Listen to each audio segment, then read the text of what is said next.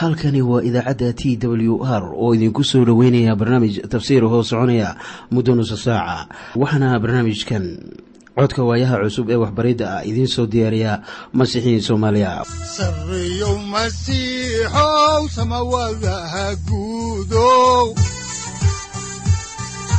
Siraadki adduunkow subanaha eebow sareeyow masiixow samawadaha guudow siraadki adduunkow subanaha eebow adigoo samada jiro ifkan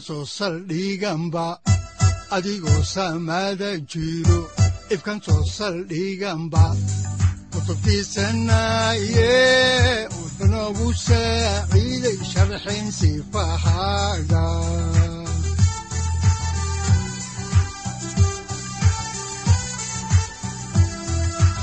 kutubtiisinaayo ebnagu saaciid sharxin sifahaaga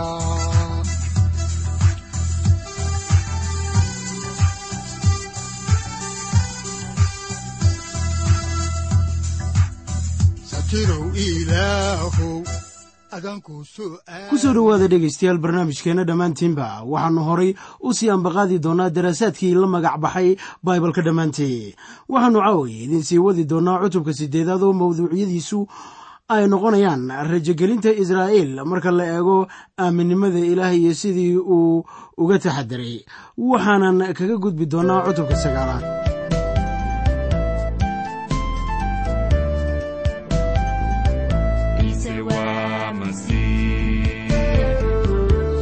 maalintuu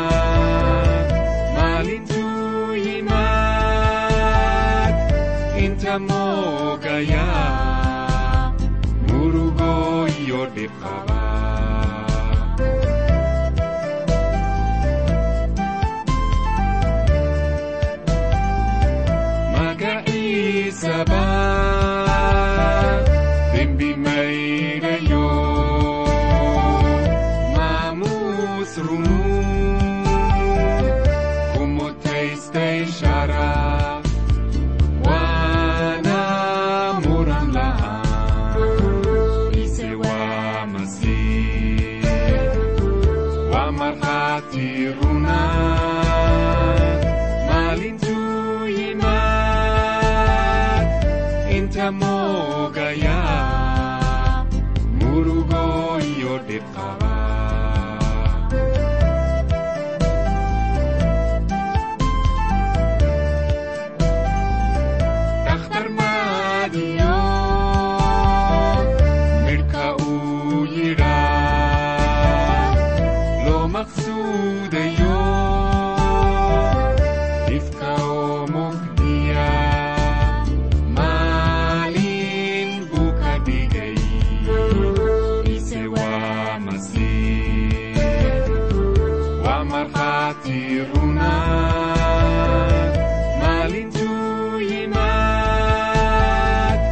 inta moogaya murugo iyo dhiqaba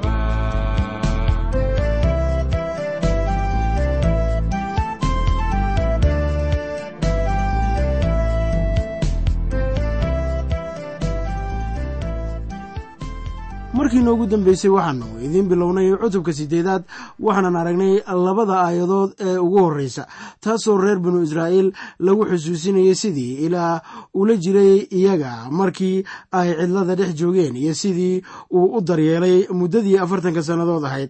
Markaana ilaah waxa uu rabaa ama doonayaa in ay xusuusnaadaan wakhtiyadii hore markaasoo uu ilaah la jiray iyaga waxaa la doonayey in ay arkaan in ilaah tijaabinayo oo welibana tababarayo iyaga.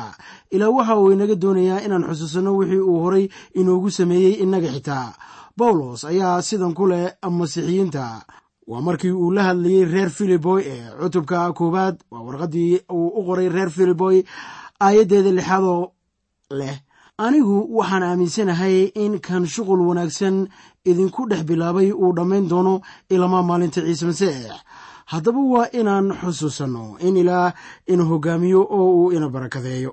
Miyaanay taasi run kuugu muuqan? Miyaadan odhan karin ilaah ilaa iyo iminkadan wuu ila jiray haddii uu sidaa kuu yeelay horaan welina wuu kuu sii wadayaa xitaa mustaqbalka. Inaan ilaah xusuusnaanno ayaa lahaanaysaa dhiirogelin waxay taasu ina xusuusinaysaa inaan mustaqbalka rajo hubaal ah lahaanno waana in ilaah inala jiro.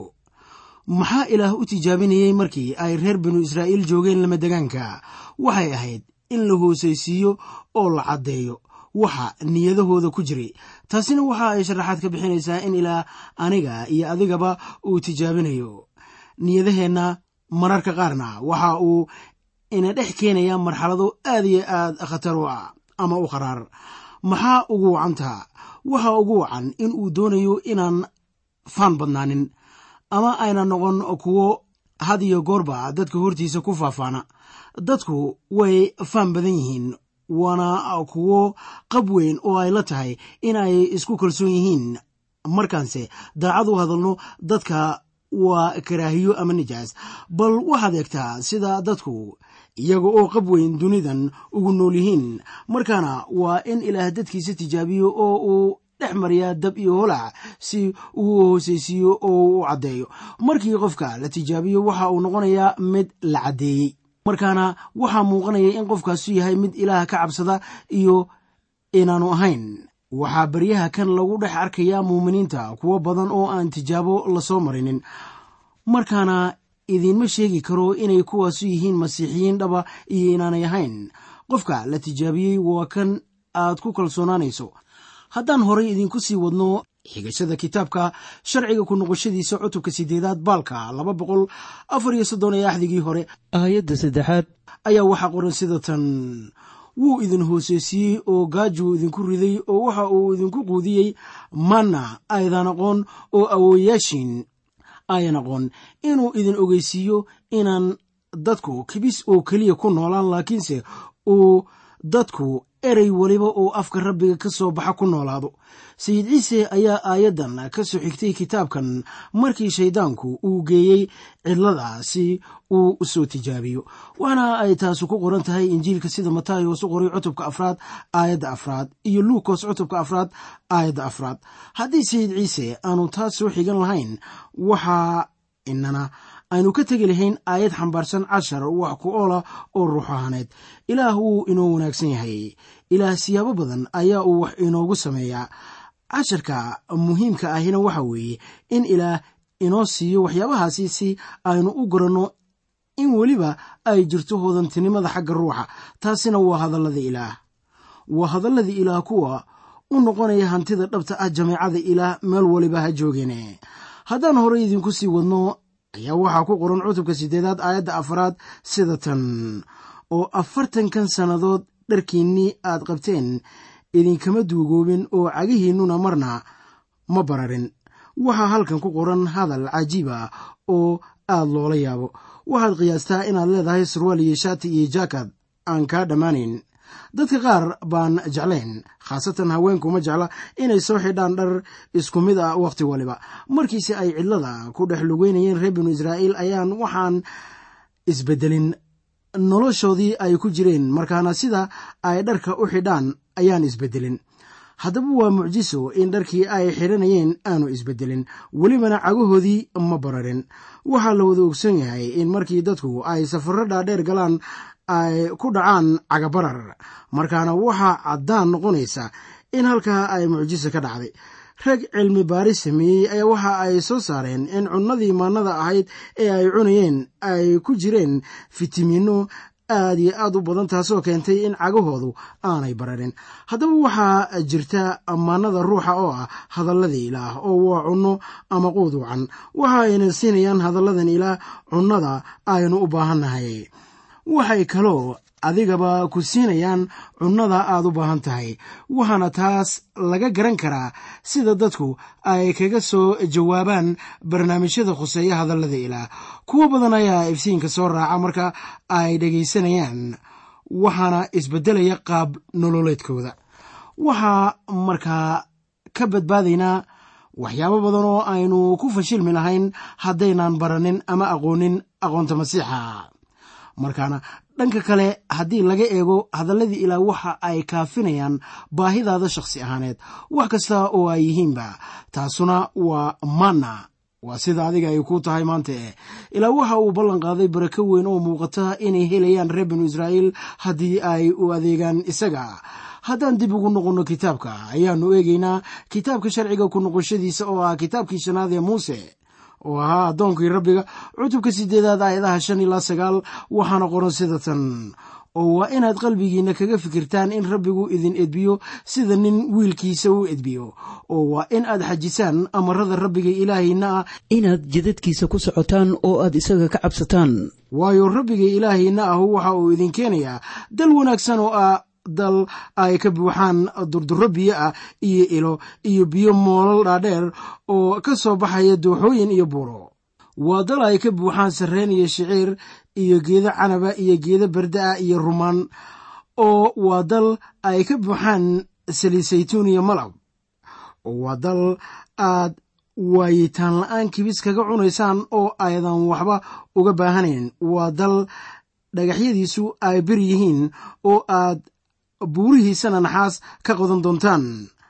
Waxaan idinku leeyahay ilaah ma siinin ballan caynkan ah masiixiyiinta maanta. Waxaa jira dad ay la tahay haddii aad masiixi wanaagsan tahay in aad baraarayso. Ha yeeshee taasu walaalayaal run maahan.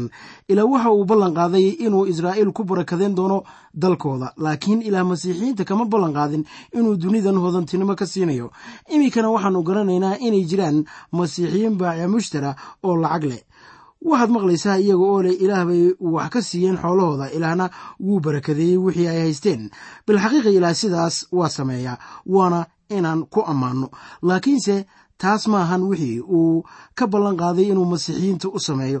Waxaase masiixiyiinta laga ballan qaaday waxa bawlos inoogu sheegayo warqaddiisii uu qoray reer efesos cutubka koowaad aayadda saddexaad oo qayb ka ah axdiga cusub baalka saddex boqol soddon iyo shan waxaana qoran sida tan ammaanu ha u ahaato ilaaha aabbaha rabbigeenna ciise masiix waxa uu masiix inagu siiyey barako kasta oo ruuxa ka timid ee ku jirta meelaha jannada. Waxa uu inaga ballanqaaday barakada ruux ahaaneed. Haddaba ma jiro aayad ka mid ah axdiga cusub taasoo laynoogu sheegayo ballanqaad adduunyo oo ay helayaan kuwa ilaah ka cabsada maanta. Waxaan kaloo taas raacinayaa inay ilaah helayaan kuwa ilaah ka cabsada maanta.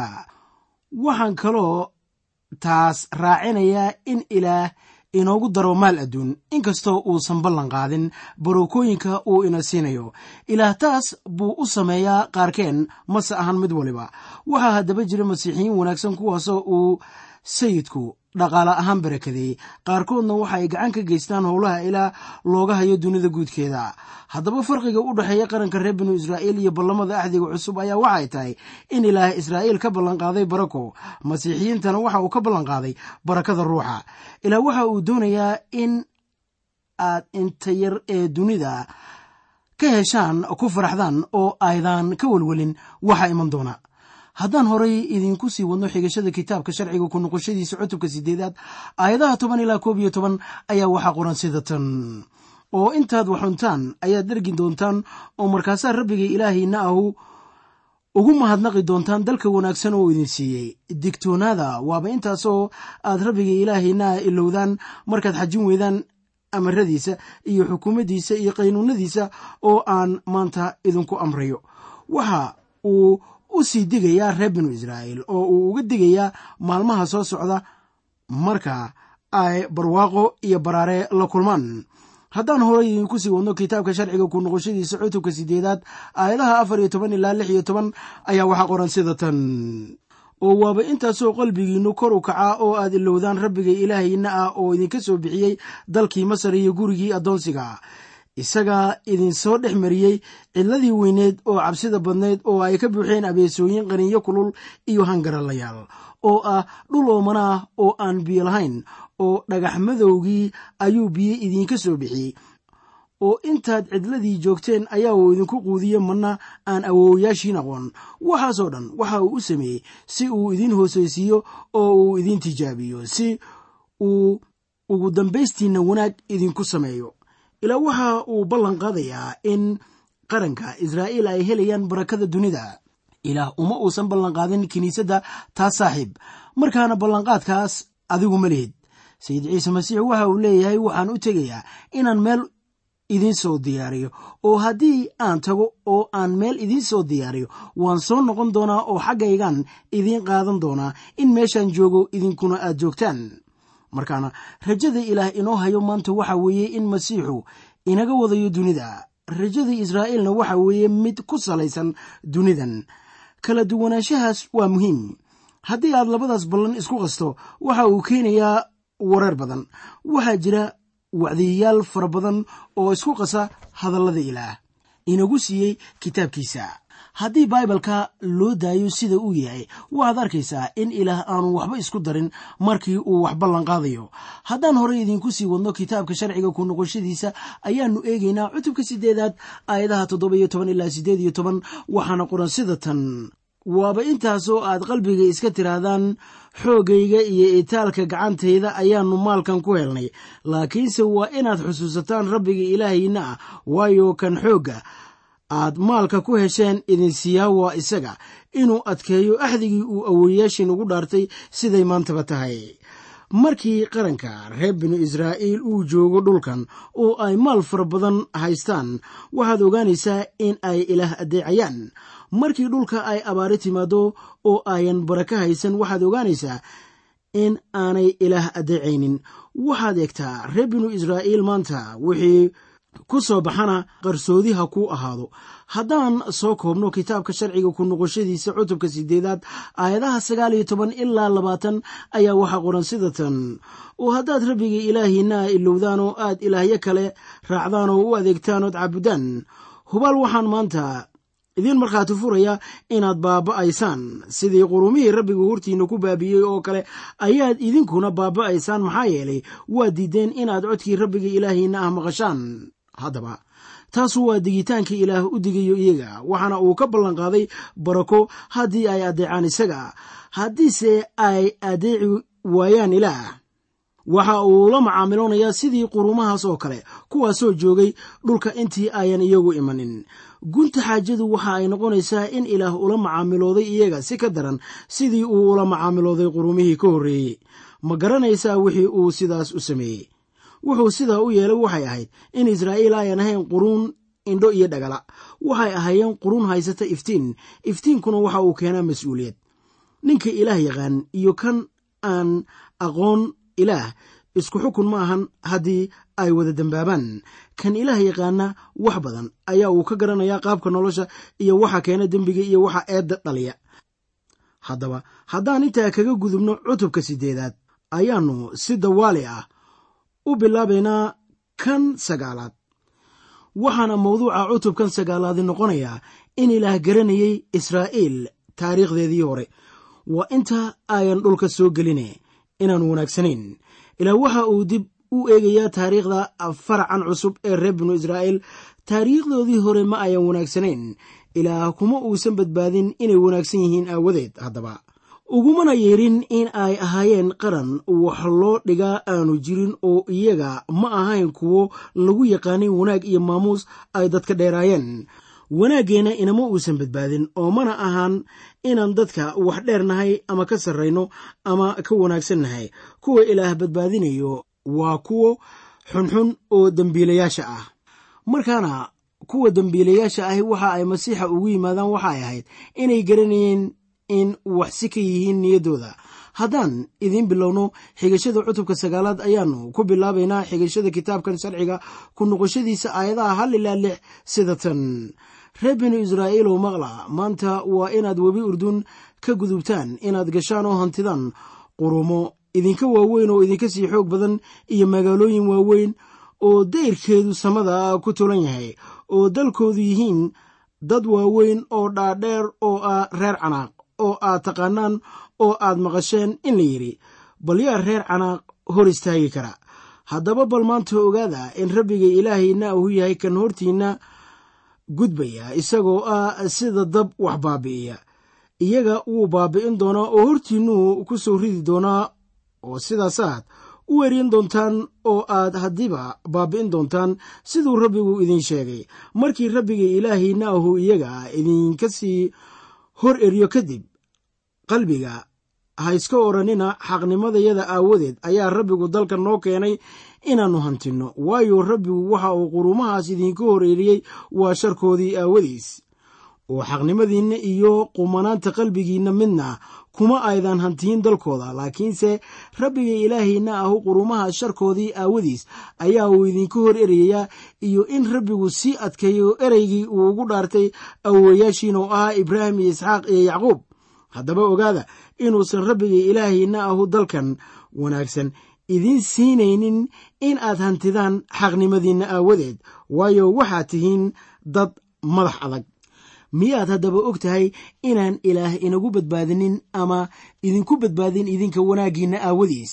Innagu waxaynu nahay dembiilayaal waxa uu inaga badbaadiyey ama inagu badbaadiyey masiixa aawadiis mase ahan innaga daraaddeen saaxiib haddii ay idinla tahay in ilaah eegayo camaladiinna oo aad badbaado ku helaysaan waad khaldan tihiin. Waayo haddii aad taas rumaysan tihiin waad qoomamayn doontaan. Ilaa waxa uu garanayaa in dadku ayan xaqnimo sheegan karin waase masiixa aawadiis waxaannu ku badbaadnay. Haddaan horay idinku sii wadno xigashada kitaabka ayaannu haatan idiin akhriyaynaa cutubka sagaalaad aayadaha toddoba ilaa afar iyo toban waxaana qoran sida tan. Bal xusuusta oo ha iloobina sidaad rabbiga ilaahayna ah uga xanaajiseen markaad cidladii joogteen oo tan iyo maalintii aad dalkii masar ka soo baxdeen iyo ilama aad halkan timaadeen rabbigaad ku caasiyoobayseen. Oo weliba markaad xooreeb joogteen rabbiga waad ka xanaajiseen. Markaasaa rabbigu idiin caroodayo waxa uu damcay inuu idin baabi'iyo oo markaan buurta fuulay inaan soo helo looxyadii dhagaxa ahaa kuwaasoo ahaa looxyadii uu ku qornaa axdigii rabbiga uu idinla dhigtay markaasaan buurta joogay afartan maalmood iyo afartan habeen oo intaasna baadna ma cunin biyana ma cabin. Markaasaa rabbigu waxa uu ii soo dhiibay labadii loox oo dhagaxa ahayd oo lagu qoray fartii ilaah oo waxaa ku qornaa kulli ereyadii uu rabbiga maalintii shirka idinkagala hadlay dabka dhexdiisa isaga oo buurta jooga. Afartan maalmood iyo afartan habeen kadib ayaa rabbigu isiiyey labadii loox oo dhagaxa ahayd kuwaasoo ahaa looxyadii axdiga. Markaasaa rabbigu waxa uu igu yidhi kac oo halkan dhaqso uga tag waayo dadkii aad dalkii masar ka soo bixisay way iskharribeen oo haddiiba way ka leexdeen jidkii aan ku amray oo waxa ay samaysteen sanam la shubay oo weliba waxaa kaloo rabbigu igula hadlay oo igu yidhi anigu dadkan waan arkay oo baleeg waa dad madax adag haddaba iska kaydaa aan baabi'iye oo aan magacooda samada hoosteeda ka tire oo waxaan adiga kaa dhigi doonaa quruun iyaga ka xoog badan oo ka sii weyn. Waxaa muuse uu ka sheekaynayaa markii sharciga loo soo dhiibay iyo wixii ay dadku faleen iyo sidii uu ilaah ugu bariyey reer binu israa'iil inaan la laynin aawadeed. Waxaan arkaynaa in muuse uu ahaa addoonkii rabbiga oo welibana jeclaa dadkiisii reer binu israa'iil ee ilaah madaxda uga dhigay isaga. Waxa uu ahaa hogaamiye aan la quuri karin. Haddaan qisada idinka sii daadihinno kitaabka sharciga ku noqoshadiisa ayaannu haatan eegaynaa cutubka sagaalaad aayadaha lix iyo toban ilaa sagaal iyo toban waxaana qoran sida tan. Oo anna waxbaan fiiriyey oo waxaan arkay in aad ku dambaabteen rabbigii ilaahayna ah oo waxaad samaysateen weel dahab la shubay oo haddiiba gees baad uga leexateen jidkii rabbigu idinku amray. Markaasaan qaaday labadii loox oo labadeydii gacmood ayaan ku tuuray oo indhihiinna hortooda ku jijabiyey markaasaan rabbiga hortiisa ku dhacay oo joogay afartan maalmood iyo afartan habeen sidii markii hore ee anigu baadna ma cunin biyana ma cabin. Maxaa yeelay sababtu waa dembigiinnii aad dembaabteen oo dhan. Markaad samayseen wax rabbigu hortiisa shar ku ah oo aad isaga kaga xanaajiseen. Maxaa yeelay waan ka cabsaday caradii iyo xanaaqii kululaa oo rabbigu dhirfay oo uu damcay inuu idinku baabi'iyo laakiinse rabbiga markaasna wuu imaqlay haddaba ilaah markaan muuse waxa uu u maqlay waxay ahayd in ilaah ahaa mid naxariis badan. Bawlos waxa uu taa ka leeyahay sida ku cad warqaddii uu u qoray dadka reer rooma cutubka sagaalaad aayadda shan iyo tobnaad oo leh waayo waxa uu muuse ku yidhi waan u naxariisan doonaa kii aan u naxariisto waanan u nixi doonaa kii aan u naxo ilaah si xor ah ayaa uu inoogu naxariistaa oo uu inoogu arxamaa innaga. War muxuu wanaagsan yahay? Aniga iyo adiga si buuxda uma fahmi karno waxyaabaha khuseeya sida uu dembiga u necab yahay iyo naxariistiisa. Haddaan horay idinku sii wadno xigashada ayaannu eegaynaa cutubka sagaalaad aayadaha labaatan ilaa shan iyo labaatan waxaana qoran sida tan. Oo rabbiga haaruunna aad buu ugu cadhooday oo waxa uu damcay inuu isaga baabi'iyo. Laakiinse anigu haaruunna islamarkaasaan rabbiga u baryey.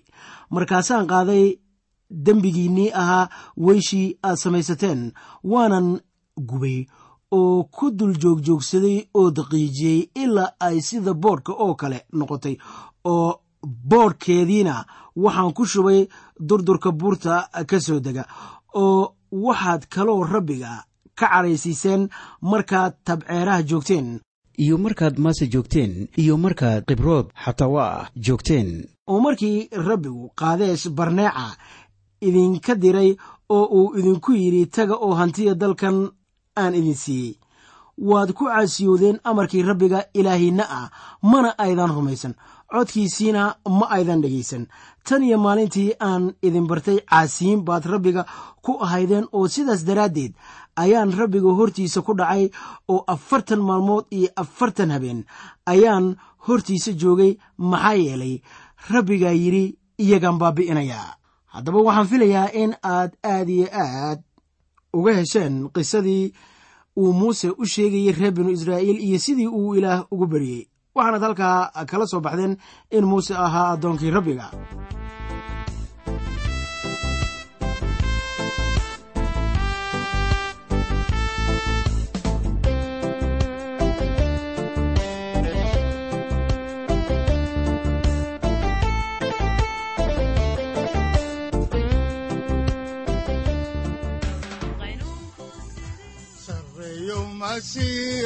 masiixow samawadaha guudow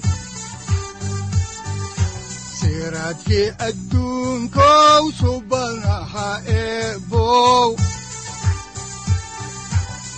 adigoo samada jiro ifkan soo saldhiganba adigoo samada jiro ifkan soo saldhiganba kutubtiisanaye udbanogu saaciiday halkani waa t w r idaacadda t w r oo idinku leh ilaa ha idin barakeeyo oo ha idinku anfaco wixii aad caawi ka maqasheen barnaamijka. Waxaa barnaamijkan oo kalea aad ka maqli doontaan habeen dambe hadahan oo kale haddiise aad doonaysaan in aad fikirkiina ka dhiibataan wixii aad caawi maqasheen ayaad nagala soo xiriiri kartaan som t w r at t w r c o k e. Haddii aad doonaysaan in aad dejiisataan oo kaydsataan barnaamijka ama aad mar kale dhegaysataan fadlan mar kale booqo www t w r o r g. Amase www t t b t w r o r g. Amase waxaad teleefoonkaaga ku kaydsataa ama ku download garaysataa agabyada ku sahli karaa dhegeysiga t w r haddii aad doonayso in laga kaalmeeyo dhinacyada fahamka kitaabka amase aad u baahan tahay duco fadlan fariimahaaga soo mari bogga aaraahda ama kommentska inana jawaab degdeg ah ayaanu ku soo diri doonaa amase ku siin doonaaye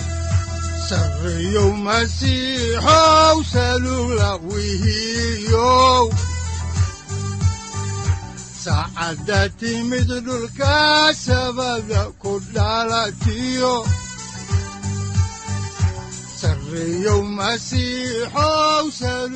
halkani waa t w r oo idiin rajaynaya habeen baraare iyo barwaaqaba leh inta aynu ka gaari doono wakhti aynu ku kulanno barnaamij la mida kan caawayay aad maqasheen. Waxa aan idinku leeyahay nabadda ciise masiix ha idinku badato xagga jidhka iyo ruuxaba. Aamiin